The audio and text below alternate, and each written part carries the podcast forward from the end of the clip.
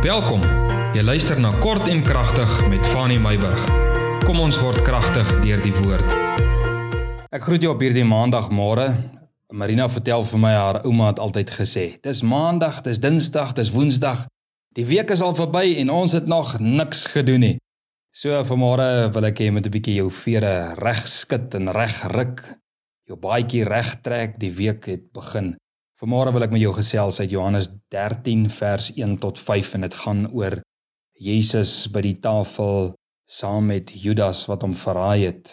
Vers 1 van hoofstuk 13 van Johannes en voor die fees van die Pasga het Jesus omdat hy geweet het dat sy uur gekom het en dat hy uit hierdie wêreld sou oorgaan na die Vader en omdat hy sy eie mense in die wêreld liefgehad het, hulle liefgehad tot die einde toe. En gedurende die maaltyd Die duiwel het dit in die hart van Judas Iskariot, die seun van Simon, ingegee om Jesus te verraai.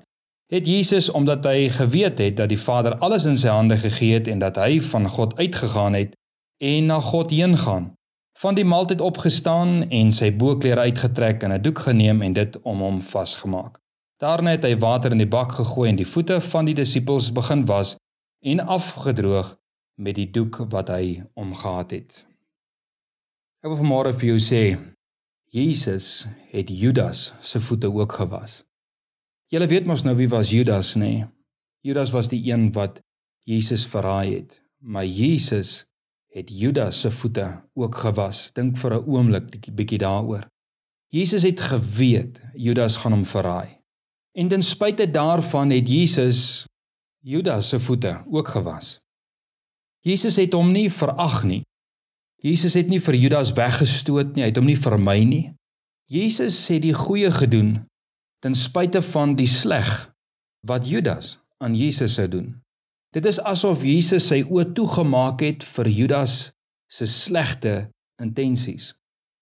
Jesus het nie sy oë toegemaak vir die verkeerd wat Judas sou doen nie, maar hy het sy oë toegemaak vir die individu wat die goedheid van Jesus ten spyte van 'n slegte hart moes beleef het.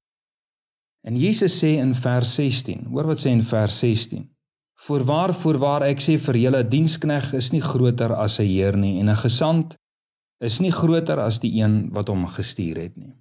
Na aanleiding van dit wat ek jou nou gesê het rondom Jesus en Judas.